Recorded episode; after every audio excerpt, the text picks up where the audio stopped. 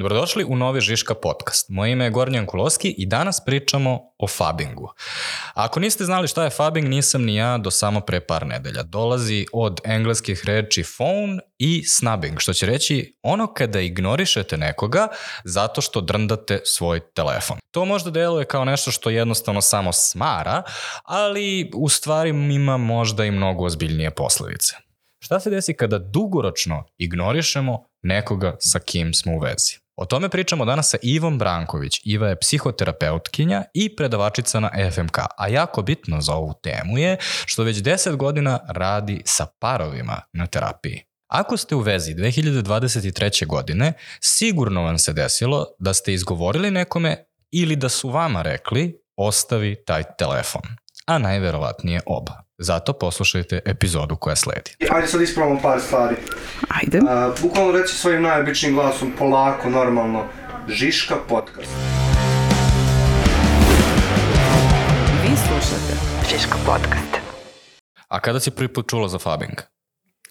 A, za Fabing sam čula nedavno. I baš mi je, iznenadila sam se zato što je stari članak i malo mi je bilo neprijatno, jer je recimo 2012. ja mislim da su, da su napravili pojam um, da bi pokušali da razumeju šta radimo sa telefonima i primetili u stvari tu pojavu koja se dešava uglavnom u parovima, ali u drugim odnosima, da ignorišemo, odnosno zaboravljamo jedni druge zbog uređaja, jer to su kao te dve reči phone i, i snubbing, odnosno ignorisanje zbog telefona. A pomenulo si da se to dešava u raznim odnosima. Um, još? Evo ja mogu da kažem jednu stvar koju sam ja primetio nedavno, to je um, imamo parkić za decu i deca se igraju u parkiću, a svi roditelji su okolo na klupama i gledaju svoj telefon, jel? Pa ja mislim da se dešava u svim odnosima i mislim da su oni počeli da posmatraju pojam u partnerskim, a onda su gledali generalno međuljudske odnose i to malo nešto istraživanja ima koliko sam ja videla i ona to onda pokazuju da utiče negativno na odnose zato što smanjuje poverenje i izaziva osjećanje isključenosti. Što verujem da se dešava ne samo sa parovima nego sa svima jer i, i dete ako se igra i ako pogleda roditelja žele nešto mu kaže roditelj u telefonu, kako može dete da se osjeća? E sad ono što mislim da ljudi tu često zaborave jeste da je dovoljno da već ne nađe tvoj pogled. Jer ljudi misle um, da će se to ignorisanje, da oni ne žele da ignorišu svoje dete, ali tako? I onda imaju predstavu o tome da će možda u tom trenutku dete nešto da kaže i oni će prestati gledaju telefon i skoncentrisati se na dete. Da li je to moguće? Pa verovatno jeste, ali ne dovoljno. mislim, Pa, sve je dovoljno dobro. Mislim, ja samo, e, mnogo je nezgodna tema i to moramo da naglasimo zato što smo svi u njoj. I, i, I toliko smo osetljivi s jedne strane, a svi pričamo o tome i zato je važno da razumemo da tek kreiramo priču i svi sada nalazimo načine kako ćemo. Ali ovo je verovatno zašto ljudi uzmu telefon i ovaj, krenu da gledaju njega, zato što kažu, ok, ako čujem da se pomera dete, ja ću pogledati i imat ćemo interakciju. Ali druge interakcije se dešavaju da mi njih nismo svesni. Ali kada on, čitaš nešto ili gledaš neki video i odlutaš, a, da li možeš odmah da se vratiš, baš u trenutku kad te neko pozove i pogleda? Naravno Mislim, da ne. ja sam, ovaj, možda zato što sam muškarac, pošto kao znam da postoje te razlike među muškaraca i žena, ali kao ja kada izađem iz toga, ja sam realno neupotrebljiv nekih 15 sekundi. Kao ja, ja te gledam, ali nisam zaista tu. Pa, znaš šta kažu da su žene sklonije tom multitaskingu, ali ja mislim da je to mit zato što se žena očekuje da rade nekoliko stvari istovremeno. Ja prva to isto ne mogu i mislim da da, sve čemu smo posvećeni traži našu pažnju, sve čemu smo posvećeni kada prestanemo da pratimo podrazumeva da moramo da imamo neko vreme kad ćemo da da izađemo iz toga, tako da, da, da, neko vreme dok gledamo u nekog, nakon što smo pogledali u telefon, mi zapravo gledamo u prazno. A zašto se ovo dešava? Zašto imamo taj poriv da odemo na telefon? Pa zato što mislim da su nam telefoni tu. Oni su sada, mislim u telefonima su nam neke važne stvari, da se razumemo. Mi ranije nismo imali tu opciju da da je naš posao tu, naš privatni život je tu, uh, tu su stvari koje volimo, koje nam se sviđaju, tu su stvari koje nas zabavljaju. Znači sada je sve na jednom mestu, ranije je to bilo na različitim mestima, odeš na posao, pa si na poslu, pa se vidiš s prijateljima, pa si s prijateljima, pa dođeš kući pa se ne znam, igraš društvenu igru ili gledaš TV, a sada bukvalno sve to možeš na jednom mestu i mislim da nam treba vreme da, da to nekako izbalansiramo odnos sa tim uređajem. Mislim da nemamo taj dogovor kako i koliko treba da budemo dostupni, e, kako koliko brzo treba da odgovorimo, kad treba da se javimo. Mislim, tek skoro se pojavilo to, da li u Francuskoj ili negde, da ne smeju da se šalju mailovi posle pet ili šest popodne.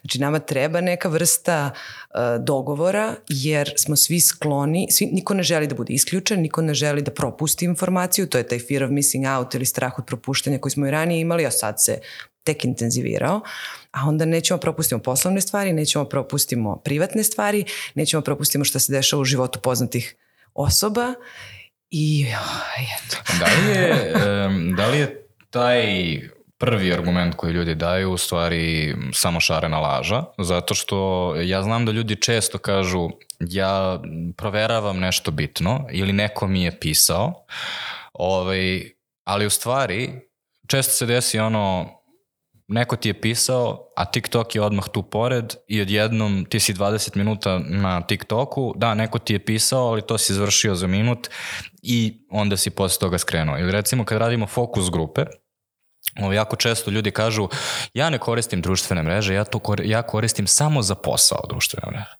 I ja to čujem i u fazonu sam, jel moguće? I onda 20 minuta kasnije ih je pitaju ih, na primjer, koja je desingerica ili kao kako se zove čovek koji lupa patikom u glavu i oni kažu, da, da, znam, zove se desingerica. Rekao, pa kako znaš onda ako si samo za, za posao koristio društvene mreže? Da li imamo tu, da li lažemo sebe možda kada kažemo... Sigurno. Sigurno mislim da vrlo lažemo sebe i to može da nam potvrdi onaj screen time kad nas, mene moj telefon uvek vrlo neprijatno iznenadi, pošto za sebe mislim isto da vrlo pametno koristim telefon, ali kad vidim koliko sam vremena provela na telefonu, prosto ne mogu da verujem. I šta je poslednji screen time koji si izvukla? A, ja mislim da je bio 3 sata. Screen ili neka posebna aplikacija? Pa ono što ti telefon da kao automatski. Nemam ja nikakve mhm. posebne aplikacije. Ja sam vrlo... Ne, ne, posebna aplikacija sam, ja sam recimo uhvatio da sam dva i po sata nedeljno na TikToku. Što me jako iznenadilo. U smislu, znao sam da puno, ali nisam znao da je toliko. A, ali jako otrežnjuće za bilo koga ko zaista proveri taj screen time je kao da uporediš sa ostalima i ovaj, uporediš sam sa sobom. Jeste, prilično je zabrinjavajuće i svi smo tome podlegli I, I ne znam zašto je toliko, valjda su i tako napravljeni i svetle i notifikacije. Mislim, baš svako mora za sebe da napravi način kako da izbegne te zamke. Pre svega mislim na notifikacije. Ja, ja nemam nikakve notifikacije i prosto ovaj, kad pogledam i mailove i mreže, onda kada mislim da je to neko vreme, morala sam sebi da odredim radno vreme, posebno mi koji radimo poslove koji nemaju klasično radno vreme, znači moraš da znaš kad gledaš mailove, kad ne gledaš mailove, kad gledaš društvene mreže, kad ne i da tako sebe nekako malo dovedemo u red, jer je adiktivno, mislim, to je prosto prijatno, je svetlucavo je, ima nekih raznih informacija, povučete. I takođe um, nije moguće da samo uđeš i isključiš se, jer recimo ako uđeš u mailove i vidiš neki mail koji te triggeruje, onda posle toga razmišljaš sat vremena o tom mailu, htela, ne htela um, i ne možeš da predvidiš unapred šta ćeš tamo naći. I ovaj, jako je teško, uh, jako su, sve aplikacije su jako dobre da nam serviraju notifikacije, ali jako malo njih je da nekako odložiš notifikaciju za kasnije, da staviš podsjeti me posle, podsjeti me sutra da sam dobio notifikaciju za ovaj komentar pa ću odgovoriti onda kada mi odgovara, nego uvek nas teraju da to uradimo odmah. A je li ovo problem samo mlađih generacija ili svih? Ja mislim da je ovo problem svih generacija. Uh, meni se čini, zato nemam ovaj podatke iz istraživanja, ali pošto radim sa studentima, radim sa mladima, da se oni nekako lakše snalaze, znači ti mladi 20, do 25 recimo godina, jer su ipak rođeni su u ovom svetu. Oni su, njima to sve dođe intuitivno, njima je sve to blisko. Vidim da oni recimo mogu, mislim da oni čak i nemaju ovaj problem u toj meri koju si ti opisao, oni mogu da komuniciraju, da se dopisuju i da komuniciraju sa nekim u isto vreme. Uh, zato što su im nekako telefoni su im spojeni sa rukama i oni to tako, to prosto tako prirodno ide i non stop su u tim u porukama i u, i u četovima. Uh, ne, ne kažem svi, ali dosta mladih i, i čini mi se da to mogu. E sad, to je onda drugo pitanje da li šta to znači i to jeste s jedne strane dobro, zato što možemo da se čujemo i da razmenimo informacije dok, dok, se, dok se dopisujemo, ali otvara problem emocionalne razmene. Zato što komunikacija, znamo, nije samo pisanje i dopisivanje i nije samo razmena nekih reči, nego i kontakt očima i neverbalna komunikacija i posmatranje one druge osobe kako se ponaša i to je ono što je sada vrlo neobično i što fali i što može da bude rizik i sad je pitanje, hoćemo se navikavamo na to da, da se gledamo preko nekih ekrana, a da se razumemo, to nije samo u privatnom kontekstu, to je u poslu. Mislim, ljudi otvore laptopove, gledaju u njih i imaju sastanak. Mislim, to je isto nešto što može da bude prilično zabrinjavajuće ovaj, u perspektivi, kao zašto imamo prepreke između nas i kako da ih ipak sklonimo, one su neophodne, neophodni su nam uređaji, ali kako ćemo sa njima, a da ne ugrozimo odnos. A, hajde da se vratimo sad baš u kontekstu fabinga, odnosno originalnog značenja, odnosno uh, u vezama. Um, pomenula si taj subtilan nedostatak recimo kontakta očima ili nedovoljne pažnje. Šta to može da kreira onda? U kontekstu ovaj, romantičnih veza? U kontekstu romantičnih veza kreira usamljenost. Mislim, to nepoverenje kako su pokazali, u stvari isključenost jer e, nismo zajedno. Ono što je problem sa uređajima, ja sam tu negde, o tome sam nešto i pisala, je što i ranije smo mi gledali u druge stvari. Gledali smo TV zajedno, neko je čitao, neko je radio nešto drugo, ali problem je što sada dok smo zajedno, mi smo u kontaktu sa drugim ljudima. I to je nešto što se prvi put dešava i što je stvarno izazov za vezu, zato što uh, smo isključeni iz tog odnosa koji se dešava dok se dešava razgovor sa nama. Ali zar nismo trunuli ispred televizora od uvek? Pa jesmo, ali nismo bili u odnosu sa njim nismo razgovarali sa njim. Televizor nam nije odgovarao, mislim, jeste pričao, ali nam se direktno obraćao, a nismo mogli sa tim televizorom da dogovorimo kafu ili nismo mogli sa njim da flertujemo dok naš partner sedi pored nas. A sada je to moguće. Tako da je to nešto što, zato nepoverenje, zato isključenost. Nismo mogli da delimo sa nekim drugim neke svoje lične stvari dok sedimo sa nekim ko je tu. A to često bude slučaj da partneri sede zajedno, a ne znam, u nekom recimo benignijem slučaju ona se dopisuje sa svojim drugaricama i priča kako je teško bilo tog dana na poslu. Njen partner je pored nje. Tu su tri osobe u sobi, jedna je nevidljiva, dve osobe komuniciraju, ova vidljiva ne. Um, da li počinje od toga što recimo kada smo gledali TV, bar smo gledali isti program, pa smo nekako svi bili fokusirani na istu stvar, nekako imali smo neko deljeno iskustvo.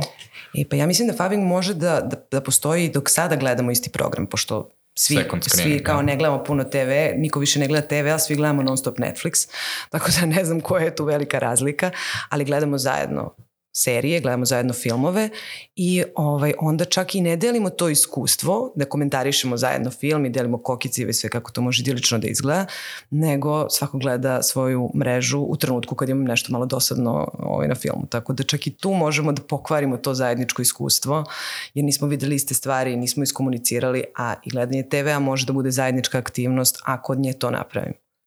A da li postoji objektivno potreba svih nas da posle ono, nikad napornijeg i aktivnijeg života na poslu i nikad bržeg tempa života, da postoji taj trenutak potrebno mi je e, neko vreme da zurim u vatru, kao što kaže Alan Pease kad gledaš u televizor, ili kao da se disasociram, da nestanem, da jednostavno ono, pustim mozak da na ispašu neko vreme. A, u smislu da to radimo dok gledamo u telefone? Pa možda. Pa ok, to kažu istraživanja da se mi ne opuštamo dok gledamo u telefone. Mi imamo ideju opuštanja zato što je to vrlo stimulativno i, i nije opuštajuće. Znači, bez obzira na to koji sadržaj gledamo. Sad ne znam, baš ako gledamo vodopad možda je ok. Ali uh, ono što je isto ovde važno da, da nije problem što mi gledamo u telefone. Problem je ako se nismo dogovorili kako ćemo da gledamo u telefone iz perspektive partnerskog odnosa. Jer ako ljudi imaju puno obavez, obaveza, puno posla, moraju da proveravaju telefone ili su, sa, su se našli, ne znam, ljudi koji oboje vole da se opuštaju tako što gledaju telefone, ako im je to ok, to je u redu. Problem nastaje onda kada... Ali da li si primetila kada... da nikad ne postoji to? Nikad ne postoje dvoje ljudi koji sede na istom kauču i zaista samo drndaju telefone, nego uvek mora da postoji ujedno i neki privid da se nešto dešava. Znači, postoji taj Netflix koji upalimo ili nešto, kao radimo nešto, a u stvari smo oboje na telefonima. Primetila si možda to? Pa dobro, to jeste, zato što mi telefone ipak i dalje koristimo kao neki, možda je u tome u stvari problem, jer ih mi koristimo kao accessorize, ne uzimamo ih ozbiljno, a možda ako bi im se posvetili, onda bi se bavili malo telefonima, pa bi se bavili nečim drugim. Ali je problem što su oni stalno pored nas i onda ih mi tako proveravamo, gledamo, čačkamo I, ovaj, I da, uvek se to dešava u nekom drugom kontekstu, mislim pa u svakom kontekstu. Ili smo seli da jedemo, ili smo seli da gledamo nešto, ili sedimo s ljudima, ali, ali recimo primetila sam to je često sad kad izađeš popiš negde kafu, vidiš ljude koji piju kafu, sede i gledaju svoje telefone. Tako da očigledno su se dogovorili da to može, svako je na svom telefonu. A još jedan razlog zašto se to dešava je zato što smo uh, razvili jako nisku toleranciju na dosadu i čim nam je milisekundu dosadno već se vatemo za džep, a to onda pokreće naredno pitanje, a to je šta je vrednost dosade? Da li je bitno da nam bude dosadno zajedno sa nekim ljudima? A bitno nam je, bitno je da nam bude dosadno kad smo sami bitno je da nam bude dosadno i sa nekim drugim. Odnosno, bitno je da možemo da istolerišemo dosadu i sami i u partnerskom odnosu, zato što je ona sastavni deo života, ali upravo si, uređaji su napravili da imamo utisak da nam nikad nije dosadno, ali ako razmislimo malo, kad krenemo da, da gledamo po mrežama različite stvari, i tu nam je vrlo često dosadno zato što nije taj sadržaj, to nije birani sadržaj, posebno scrollovanje po mrežama ili TikTok ili te neke mreže koje ti tako nude različite sadržaje. Posle nekog vremena ljudi osete ovaj, tu zasićenost, mučni, ne, ne prija im to više i, i tu takođe može da se javi, jer do sada može da se javi kad nemamo šta da radimo, a može da se javi i od previše istog ili sličnog sadržaja. Ali mislim da je uh, problem fabinga ili u romantičnim vezama ili u društvu nije vezan toliko za taj um, pre, ono, da se totalno predoziram dopaminom, već je ono, dosta da kreće mi neka, neki neizdrž i onda mi treba samo mali hit dopamina. I taj trenutak kada ljudi recimo izvade na piću telefon je često samo daj da prevrtim tri puta i kao, bukvalno si kao daj mi mali hit dopamina i to mi je dovoljno bukvalno zavisnost. Tako je, ljudi se smire, to je to što kažeš. Znači oni osete uznemirenost i onda uzmu telefon, pogledaju, smire se i mogu da nastave dalje. Zato mislim da uopšte nije naivna stvar i da tu moramo da budemo nežni prema sebi jer smo svi navučeni na uređaje koje tako vukljamo sa sobom, a, ali moramo da, zato moramo lagano da se skidamo. Znači ne možemo sad da prestanemo da, da koristimo telefone tek tako, ali možemo da napravimo neki red, neki raspored i, i da to smanjimo na što je moguće veću meru, a da s druge strane sa partnerima dogovorimo kako ćemo zajedno to da radimo. A šta kažeš kritičarima koji kažu, ali ja na kraju dana tamo opet razgovaram sa nekim ljudima. Šta je razlika između messengera i razgovora? pa to jeste komunikacija i stvarno ne možemo da, da nikako da negiramo to da, da nam je tehnologija donela da smo mi više povezani nego ikada, da možemo u realnom vremenu da delimo misli, emocije, iskustva, možemo da budemo u kontaktu kad je neko na drugom kraju planete, mislim to su fenomenalne stvari. Uh, ono što je problem sa, sa porukama je što su to samo reči i što mi jednostavno to moramo da prihvatimo, da to jeste komunikacija, ali je to samo deo komunikacije i, i jako neki ljudi misle, ali napisano je i kao jasno je, nije. Znači ja sam nešto mislila i napisala sam, ali kad druga osoba to pročita, ona zaista ne može da vidi potpuno drugačije, ali nekad čak i može. A sigurno ne može da pogodi emocionalni ton i onda mi to krpimo emotikonima i onda tu te kreće zabava.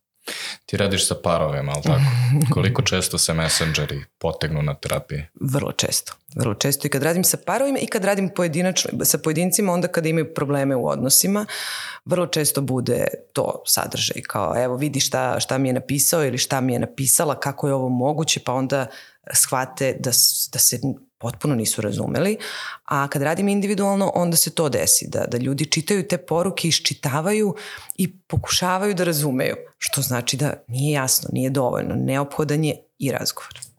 Možda bi najlakše bilo ljudima da objasnimo na nekom a, nenapunjenom primeru, odnosno sigurno se svima dešavalo da su a, pokušavali da a, ono, iskoordiniraju recimo kupovinu u Maxiju i onda a, ovaj, kese um, upitnik, na primjer. I sad to znači, ono, i, da, to sad shvatio si celo da li imamo kese i da li nam trebaju i onda ti kažeš kese imamo, ali kao imamo dve, ali treba da se u stvari kupi. Ne razumeš kao, i sigurno se svima desilo da su imali tu vrstu nerazumevanja I sad isti taj kanal sa istim tim nesavršenostima zamisli recimo ljudi nekada ono imaju svađe ljubavne preko Messengera i onda ono što se takođe jako čudno dešava pored tog nerazumevanja jeste i onda se posle 12 sati na tom istom Messengeru samo nastavi dopisivanje, je li tako?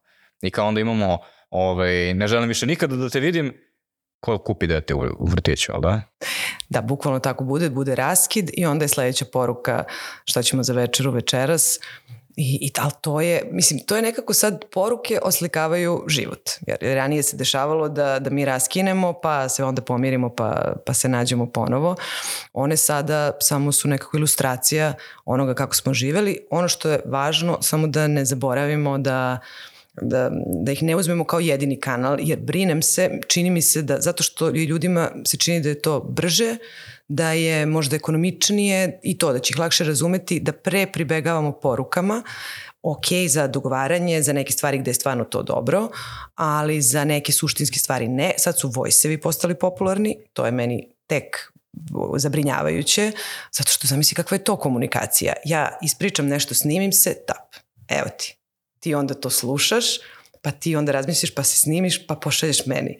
Mislim, koje je to, to, toga u realnoj komunikaciji nema. Ne može, ja ne ispričam šta imam, pa u drugu sobu, pa ti onda dođeš pa mi ispričaš šta ti imaš, pa u drugu sobu. Mislim, to nije nešto što, kako bi komunikacija trebalo da izgleda. Izgledat će, moramo i sa tim da vidimo šta ćemo, ali brine me ta distanca koja se u odnosima pravi na taj način. Mnogi ljudi čak i kažu, nemoj da pričamo o ovome kao sklo, više vole da se sklone kao smiri, smiri, da se smire, pa onda se nastavlja komunikacija kroz poruke. Što znači da mi ne možemo da podnesemo napetost koju odnos stvara, što je, što je vrlo zabrinjavajuće. Um, koliko problema stvara to što smo uvek uključeni i uh, Messenger je tu kada god uh, nam zatreba i recimo jedna stvar koju sam ja primetio nestalo je ono baneš nenajavljen.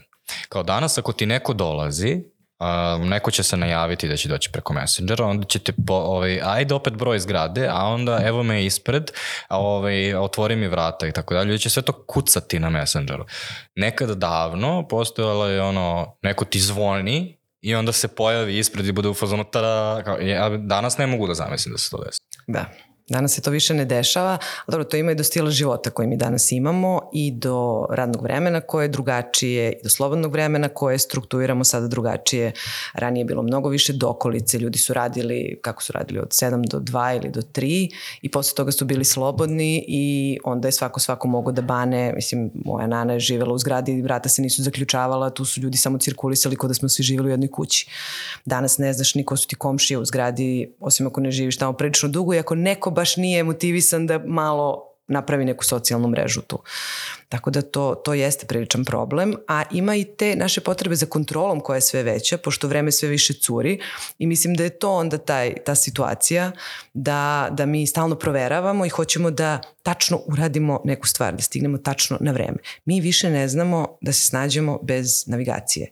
Ja, meni je to isto potpuno fantastično, ali jednostavno s jedne strane nam uređaji daju jednu dozu sigurnosti jer nam mnogo pomažu, ali s druge strane da ih nemamo, šta bismo radili? Mislim, prave nas i nesigurnim, to je uvek tako i to isto ima veze, isto je u osnovi te adikcije koju mi imamo prema uređajima. Oni su nam mnogo važni, mnogo toga sadrže, mi zavisimo od njih i onda ulazimo u taj, u taj krug. Sad ono što bih tu volao da završim celu ovu ovaj, diskusiju od 10 minuta koju smo imali je um, da niti smo luditi, niti smo bumeri. U smislu, um, i, mislim da ljudi imaju tendenciju da se zavozaju sa ovim problemima koje postoje u tehnologiji i da onda tu stanu i da budu, ono, sve novo je loše nekako, na, na, na tome završe. Međutim, mislim da je samo svest o svim ovim stvarima je neophodno da bismo u stvari počeli neki novi razgovor i dobru analogiju koju sam čuo jednom jeste kad se pojavila prvi put pasta za zube, ljudi su smatrali da je okej okay da u njoj bude olovo. I onda smo naučili da treba da se drugačije ovaj, koristimo sa time. Kada se prvi put pojavila brza hrana, svi smo je jeli kao da je najnormalnija hrana na svetu, onda smo shvatili da to ima određene posledice i danas većina ljudi mora da balansira ako će nekada da se, ono, da se da pojede picu ili hamburger sa ono, ili vežbanjem ili nečim. Zna, svesni smo kako to može da utiče na nas. I to je nekako ne, što, nešto što vidim kao sledeću fazu evolucije našeg odnosa sa telefonima, našeg odnosa sa tehnologijom. I kada počnemo da razmišljamo o tome šta su rešenja za sve ove probleme o kojima pričamo, pošto problemi neće nestati jer i dalje suviše je convenient, odnosno suviše je lako i lakše da koristimo ove tehnologije, ti dolaziš sa jednom jako zanimljivom idejom. Niti je u pitanju neka zabrana, niti je u pitanju neki zakon. Ti kažeš treba nam digitalni bonton.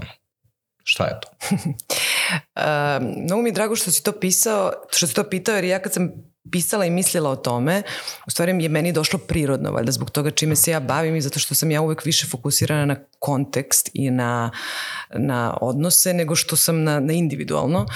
Um, razlika između bontona i nekih zabrana ili brige o mentalnom zdravlju je u tome što je bonton socijalni dogovor. On podrazumeva da smo se mi dogovorili kako ćemo oko nečeg da se organizujemo, kako ćemo odnosno na nešto da se ponašamo. Bonton više uopšte nije popularna reč, zato što živimo u vreme individualizma i sad je jako važno da svako od nas teži nekoj svojoj svom samoostvarenju, svojoj sreći, lična sloboda i tako dalje. Ja to apsolutno sve podržavam, ali mi živimo u društvu i živimo, imamo odnose. I mislim da to jeste problem današnjeg vremena, zato što svi imaju taj cilj da ostvare to svoje nešto, ali svi želimo da budemo s drugima. I zato mi se čini da, da je bonton, odnosno neke zajedničke smernice, odnosno društveni dogovor oko toga šta je u redu, a šta nije u redu, bi nam mnogo pomogao da se ne bismo loše osjećali prosto kad smo zajedno. Um, dobro, i šta bi bio neki ono, primer tih bonton pravila? Pa, na primer, ja bih volila da u tom bontonu stoji da kada smo zajedno, uh, nema telefona na stolu. Ako smo se našli recimo na večeri. Da, kako ti to zvuči? Da li to zvuči održivo? Telefona na stolu um, mislim da je možda previše restriktivno, ali um, recimo jedna od stvari, sad pitanje je kako se kreira bonton, jer ne, ti možeš napisati knjigu digitalni bonton i please do, ali ovaj, no, ti ćeš samo biti osoba koja je napisala knjigu, ima mišljenje i tako dalje. Recimo ja u Žiški na svakom sastanku su zabranjeni svi uređaj, izuzev ako prezentuješ recimo svima na, na televizoru, pa onda logično je da imaš kompjuter kod sebe, jel? Ali recimo ako imamo kreativni sastanak, odnosno kreativnu radionicu, treba da smišljamo kampanju, apsolutno je zabranjeno da u bilo kom trenutku iz, izvodiš telefon i a, takođe, ok je da osoba koja vodi sastanak stane i da te public shame u tom trenutku, znači da te gleda i da bude u fazonu ne, sačekat ćemo da završiš. I svi smo se dogovorili da je to okej okay da bismo obeshrabrili to da ljudi izvade telefon i znam i po svom iskustvu, mene srbi da izvadim i ja isto sebi pravim izgovore, neko mi nešto važno piše, ono kao piše mi producent za podcast koji treba da izađe za dva dana, znači mogu da odgovorim ono, u naredno dva dana, bukvalno. Uh, Takođe, e, ne znam da li ovaj, bi po bon tonu bilo da čitaš tuđe poruke, ali ja ne mogu da se suzdržim.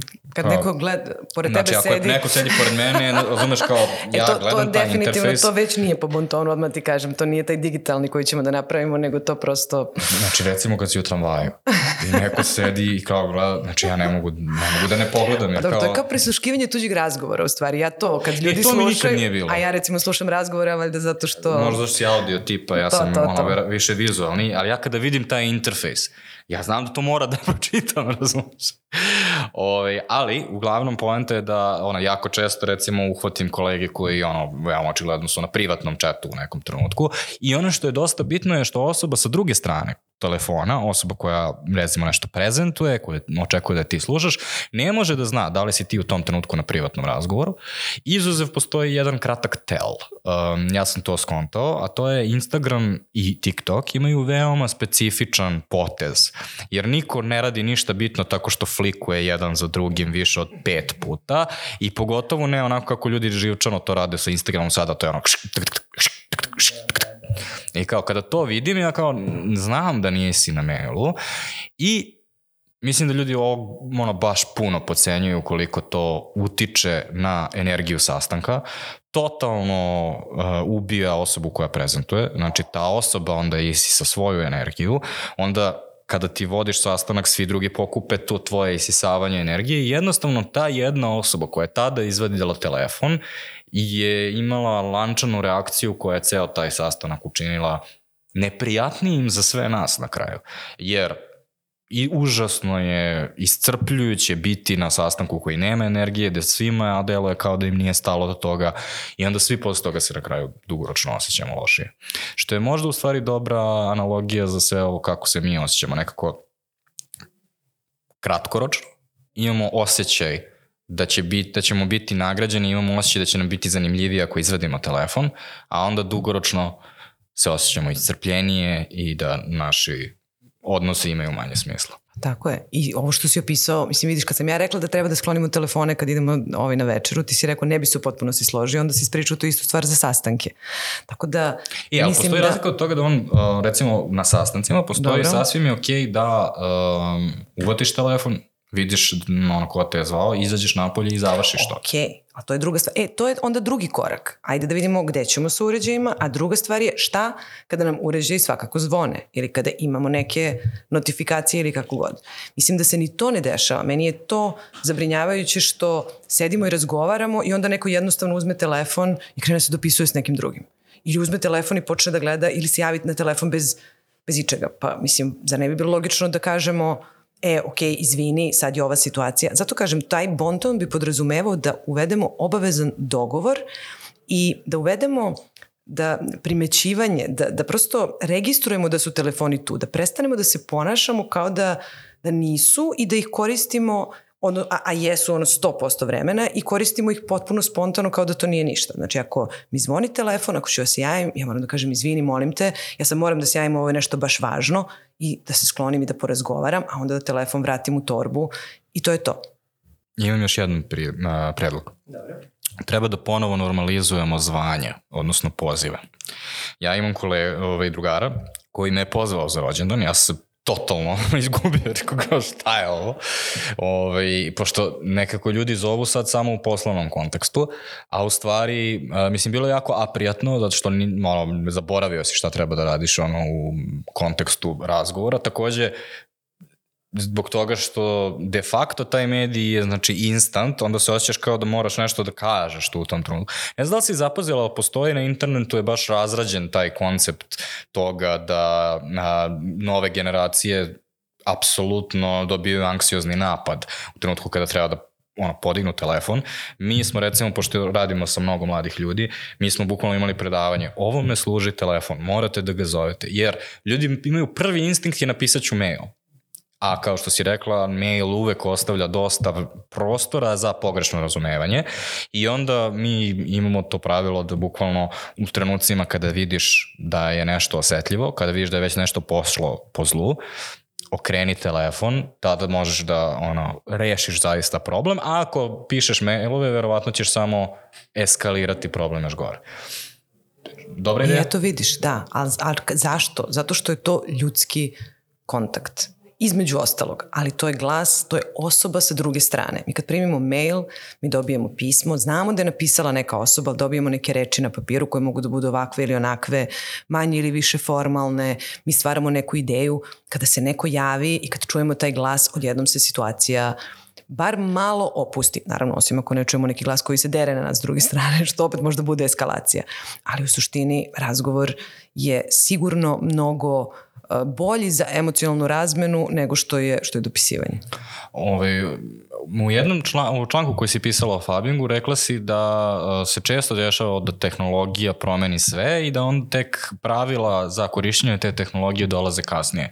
Jel postoji neki analog koji smo imali koji može da nam posluži kao uh, ovaj, ono, vođa za a, taj bonton koji ćemo praviti. Naprimjer, pokušam se setim, ne znam, a, TV a, u jednom trenutku je postalo nekako a, neprijatno da a, ako dođemo svi na ručak neki da stoji TV upaljen, iako je to jedno vreme bilo Tako je, to se desilo. A, ono što je, ja sam, isto mi je TV prva asocijacija, zato što je to stvarno nešto što je mnogo promenilo porodične odnose, pa partnerske odnose, pa sve odnose generalno. I to se stvarno promenilo, odjednom nam je postalo, sad je već neprijatno, sad znamo da ne treba da bude uključeni ceo dan i da ne treba da bude, ali ono što je za TV zanimljivo da to su to promene koje su se dešavale kroz dugi vremenski period. I zato smo mi imali više vremena za navikavanje i mislim da nam onda nije bilo, nije nam bilo tako stresno kao što je to sada. Sada se tehnologije toliko brzo razvijaju i mi i postaju nam dostupne, mi se na njih brzo navikavamo, a to je stvarno jedan kratak period. Ako pogledaš koliko mi dugo imamo uh, internet, pa onda mobilne telefone, to je jedan strašno kratak period i sistemske perspektive. Mi smo tek onako ušli u tu priču da se navikavamo, a čini nam se da da to od uvek postoji da je to od uvek tako, a još uvek imamo generacije koje su žive, koje ne znaju da koriste mobilne telefone, a imamo generacije koje su rođene sa mobilnim telefonom. Mislim, stvarno je jedan period vrlo, vrlo specifičan. Tako da trebujemo nežni prema sebi, to hoću da kažem. Poslednja stvar koju može da postane deo tog bontona, a možda ne i bontona, nego nekog wellnessa ili fitnessa, je digitalni detoks. Da li preporučuješ ljudima to? Znam ljude koji su išli na digitalni detoks i kažu da je fenomenalno, kažu da je strašno teško na početku, zato što je to ostaviti telefon na tri dana i baviti se zapravo sobom, drugim ljudima, nekim drugim aktivnostima i kažu da je stvarno teško, ali da je onda sjajno i da puno pomaže. Ono čega ja nisam ljubitelj, to su te uh, intervencije, odnosno ti, kao sad ću da koristim telefon 24-7, a onda ću da odem na digitalni detoks i onda ću tri dana da budem bez telefona ok, može, bolje i to nego ništa, ali mislim da je pre bolje da preispitamo svoj odnos prema tim uređajima, što oni nama toliko znače, da li moramo stvarno da budemo zalepljeni za njih i da uvedemo neke promene u svoju svakodnevnu rutinu i u odnose sa drugim ljudima da bi imali mm, dugoročne benefite. Jer ovo je isto super, mislim digitalni detoks je odlična stvar, ali je, nije do, onoliko koristan kao što bi bio koristan ako bismo stvarno promenili i neko svoje ponašanje vezano za uređaj generalno. Ti u stvari referiraš na vaš program Digital Detoxa, to je ono tri dana ovaj, u sinergiji imate to, da? E, nemamo, nemamo. Mi smo, mi je pričala sa Milicom Novkov koja ima digitalni detoks i ona je išla, imali smo podcast na tu temu zato što je super stvar i ovaj, znam ove ljude koji su na tome bili i stvarno jeste odlična stvar.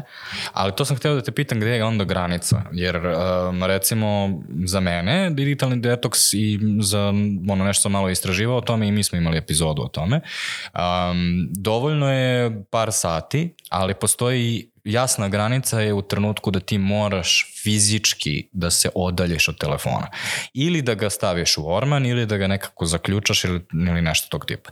Znači ono što u stvari pokušavaš da preduprediš nije čak ni to da nešto radiš na telefonu nego je da proveriš telefon.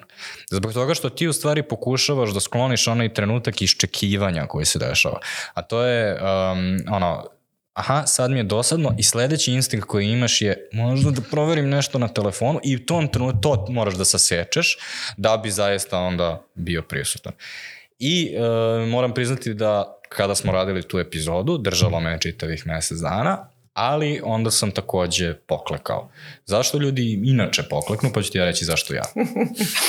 A, to je, da ja ne, ja ne razmišljam o tome kao detoksu kad se odvojimo od telefona, jer meni to prosto podrazumeva nešto što bi trebalo da uvedemo svakako, zato što to jeste stvarno jedini način da se odvojimo od njega. Ako ga držimo, zato je meni važno da se skloni sa stola. Ako ga držimo tu i ako svetli, morat ćemo da gledamo u njega. Ja sam imala i trudim se da to uvedem za vreme e, korone kad smo bili zatvoreni, onda sam e, koristila mobilni telefon kao fiksni. I to sam sebi dala kao zadatak, ajde da ga stavim sa strane, mogu da ga uzimam ponekad ako hoću da uzmem to sad u neko definisano vreme, ali tokom dana on nije bio pored mene, on je stajao pored fiksnog, ja i dalje imam fiksni u stanu, zato što eto, ta sam generacija. I to je stvarno bilo mnogo dobro. Znači, meni su svakako isključene notifikacije, moram da ga pogledam povremeno. Ako znam da tog dana ne treba da se desi, ne znam ja šta strašno, tad sam i svim bliskim ljudima podelila svoj broj fiksnog telefona, pa ako baš negde gori da mogu da me dobiju. I to je bilo vrlo zanimljivo. To je moglo za vreme COVID, jer su bile vrlo specifične okolnosti, ali se i sad trudim vikendom, nedeljom, onim danima kad znam da, da nema šta da se desi, da on bude daleko od mene i, i mislim da je to dobra stvar. Tako da ja istrajavam manje više, ali me strašno zanima da im što si ti poklekao. Ti si psihoterapeutkinja, vi imate na ljudske sposobnosti. da, da, Zašto da, da. mi obični ljudi ipak pokleknemo? Pa ne znam, evo reci mi zašto si ti poklekao, rekao si mi da, da ćeš da mi kažeš. Um, ja sam imao, um, moram priznati da to nekada gledam kao nagradu. I um, od trenutka kad sam poklekao je kada sam jednostavno imao jako je kontraintuitivno. Imao sam veću količinu posla nego inače. I onda stvaram neku sliku o sebi kao Goran mali mrav, jadan muči se i stalno nešto radi. A onda mi je telefon Uh, neka vrsta nagrade za tog malog mrava da ovaj, eto, dobije malo i vremena za sebe i ne znam ti ja šta. I ovaj, onda kao samo odlutam Tako. Sad shvatio sam da takođe, da, treba mi neko vreme nekada i da odlutam, kao treba mi nekako vreme da se disasociram i da ono, ne postojim u univerzumu ili gledam boju kako se suši ili nešto tome slično. Um, ali ono što sam ukačio je jeli, da je problem što kada sam u tom modu i kada tražim tu vrstu nagrade, e, tad je telefon dosta korozivan zato što je dovoljno da imam minut prazno i onda ću ga izvaditi i onda sam ja ćao, otišao na TikTok i ne čujem više ljude oko sebe. Mm. Pa dobro, ali to jeste sa svim stvarima od kojih smo zavisni. Mi njih doživljavamo kao, kao nagradu zato što oni predstavljaju instant uh, umirenje naše napetosti koja se javlja njihovim korišćenjem. Tako je sa cigaretama, tako je sa telefonima, tako je sa šećerom, tako je sa svim. S druge strane, ako imaš zaista sadržaj na telefonu, to bi trebalo da bude ta razlika. Ako postoji sadržaj na telefonu koji je tebi stvarno važan, koji te opušta, koji želiš da konzumiraš kao nagradu, to je jedna stvar. A druga stvar je ako uh, je ako kreneš sa tim, a onda završiš negde drugde. Mislim da i to moramo sami sa sobom da naučimo. Šta je ono što nam telefoni zaista daju i šta, gde su nam korisni, jer su nam u mnogim stvarima korisni, a šta je ono gde oni nas uzimaju i mi nemamo više kontrolu, nego samo scrollujemo i upijamo neke sadržaje koji nam zapravo ničemu ne služe. Um, ok. Da li imaš nešto što uh, jednom zavisniku od telefona možeš da preporučiš da bi trebalo da radi sem digitalnog detoksa? Uh, pa da, da napravi, da, da izanalizira svoje ponašanje. Mislim da je to stvarno prva stvar, da, zato što mi uvek krećemo sa rešenjima, a ja uvek volim da kažem da ljudi prvo treba da se zapitaju uh, šta njima znači telefoni, šta im je zapravo potrebno. To, to traži malo vremena, ali je to u stvari jedini način da nešto promenimo i da uradimo dobro za sebe. Jer mi možemo ovako da dajemo različite savete, ali ovo što pali meni, što sam ja ispričala, neće paliti nekom drugom, kao što neće ni tvoja strategija. Znači moramo da vidimo šta imamo u telefonima, zašto nam je to važno, šta nam nam je zaista opuštajuće, gde gubimo vreme, šta nas miruje, šta nam donosi napetost? I kako to u odnosu na naše ukućane, ja pre svega mislim na partnere, ali naravno i na porodicu, Tako da to, to traži vreme da se oko toga organizuje. Mislim da je to prvi savjet od čega treba krenuti, pa onda videti šta od strategije primeniti. Ti si um, terapeut za parove. Um, jako često će ljudi prebaciti onome drugom i reći šta da nam daš taj telefon to verovatno nije dobar početak razgovora o Fabingu. Um, takođe, tu onda dolazimo i do toga ko, ko, ko koliko Fabinguje drugu osobu i slične stvari.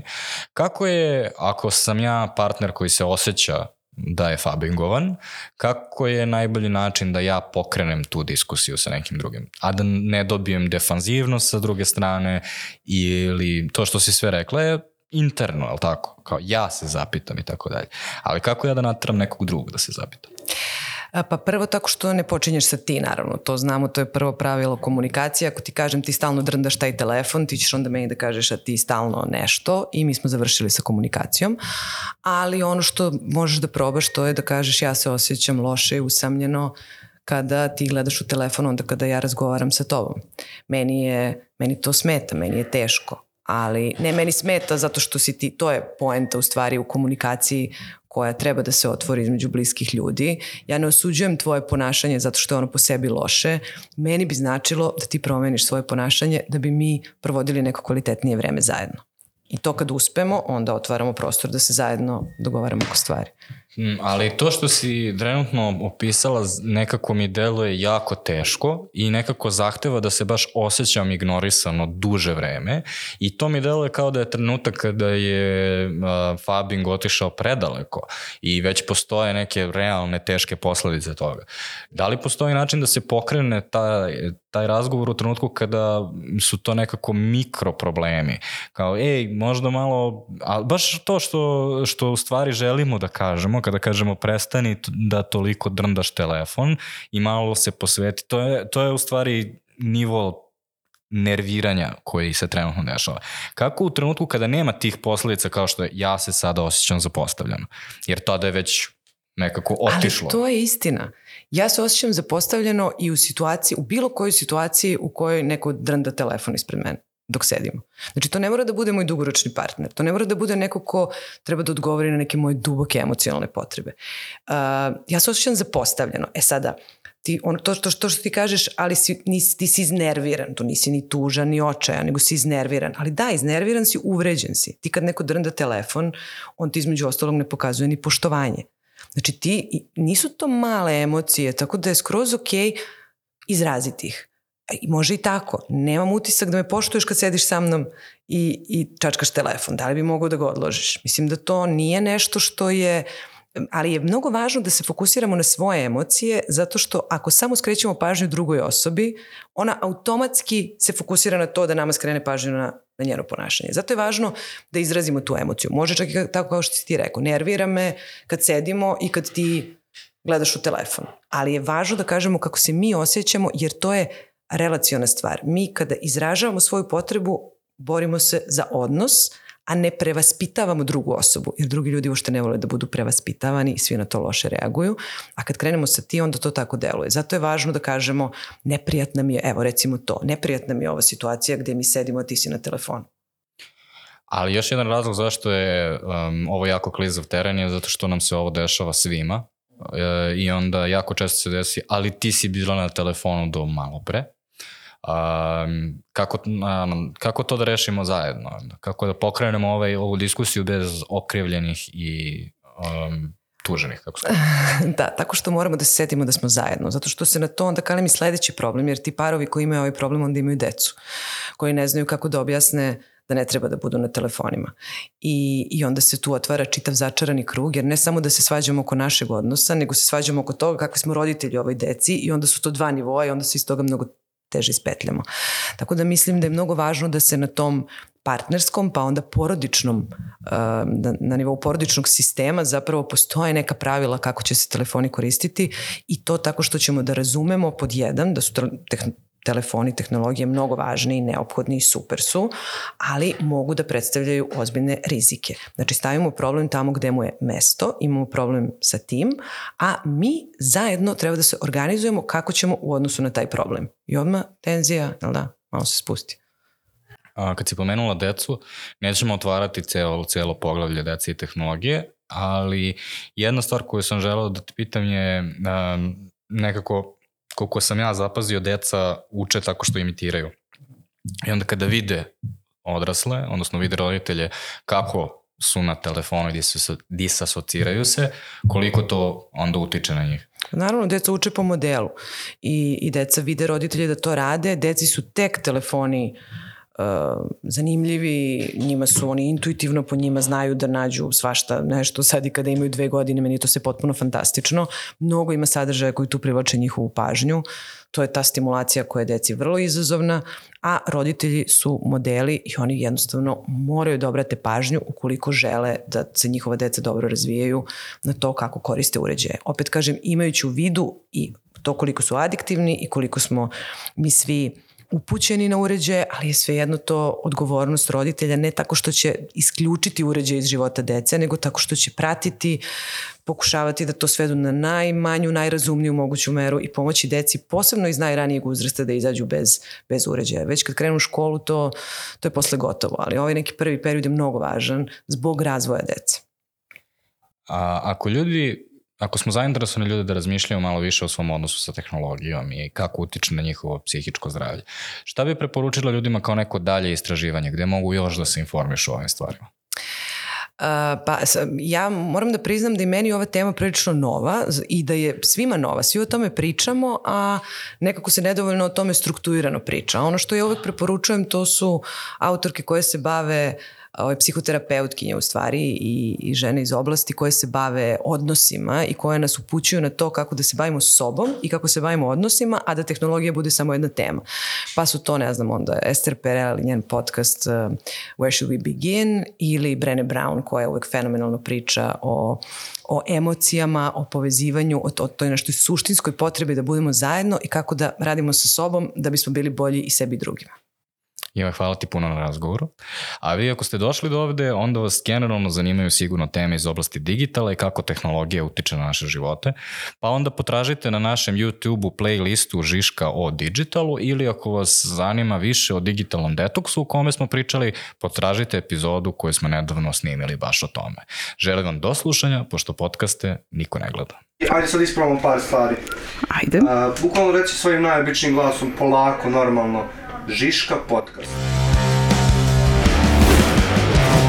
Vi slušate Žiška podcast.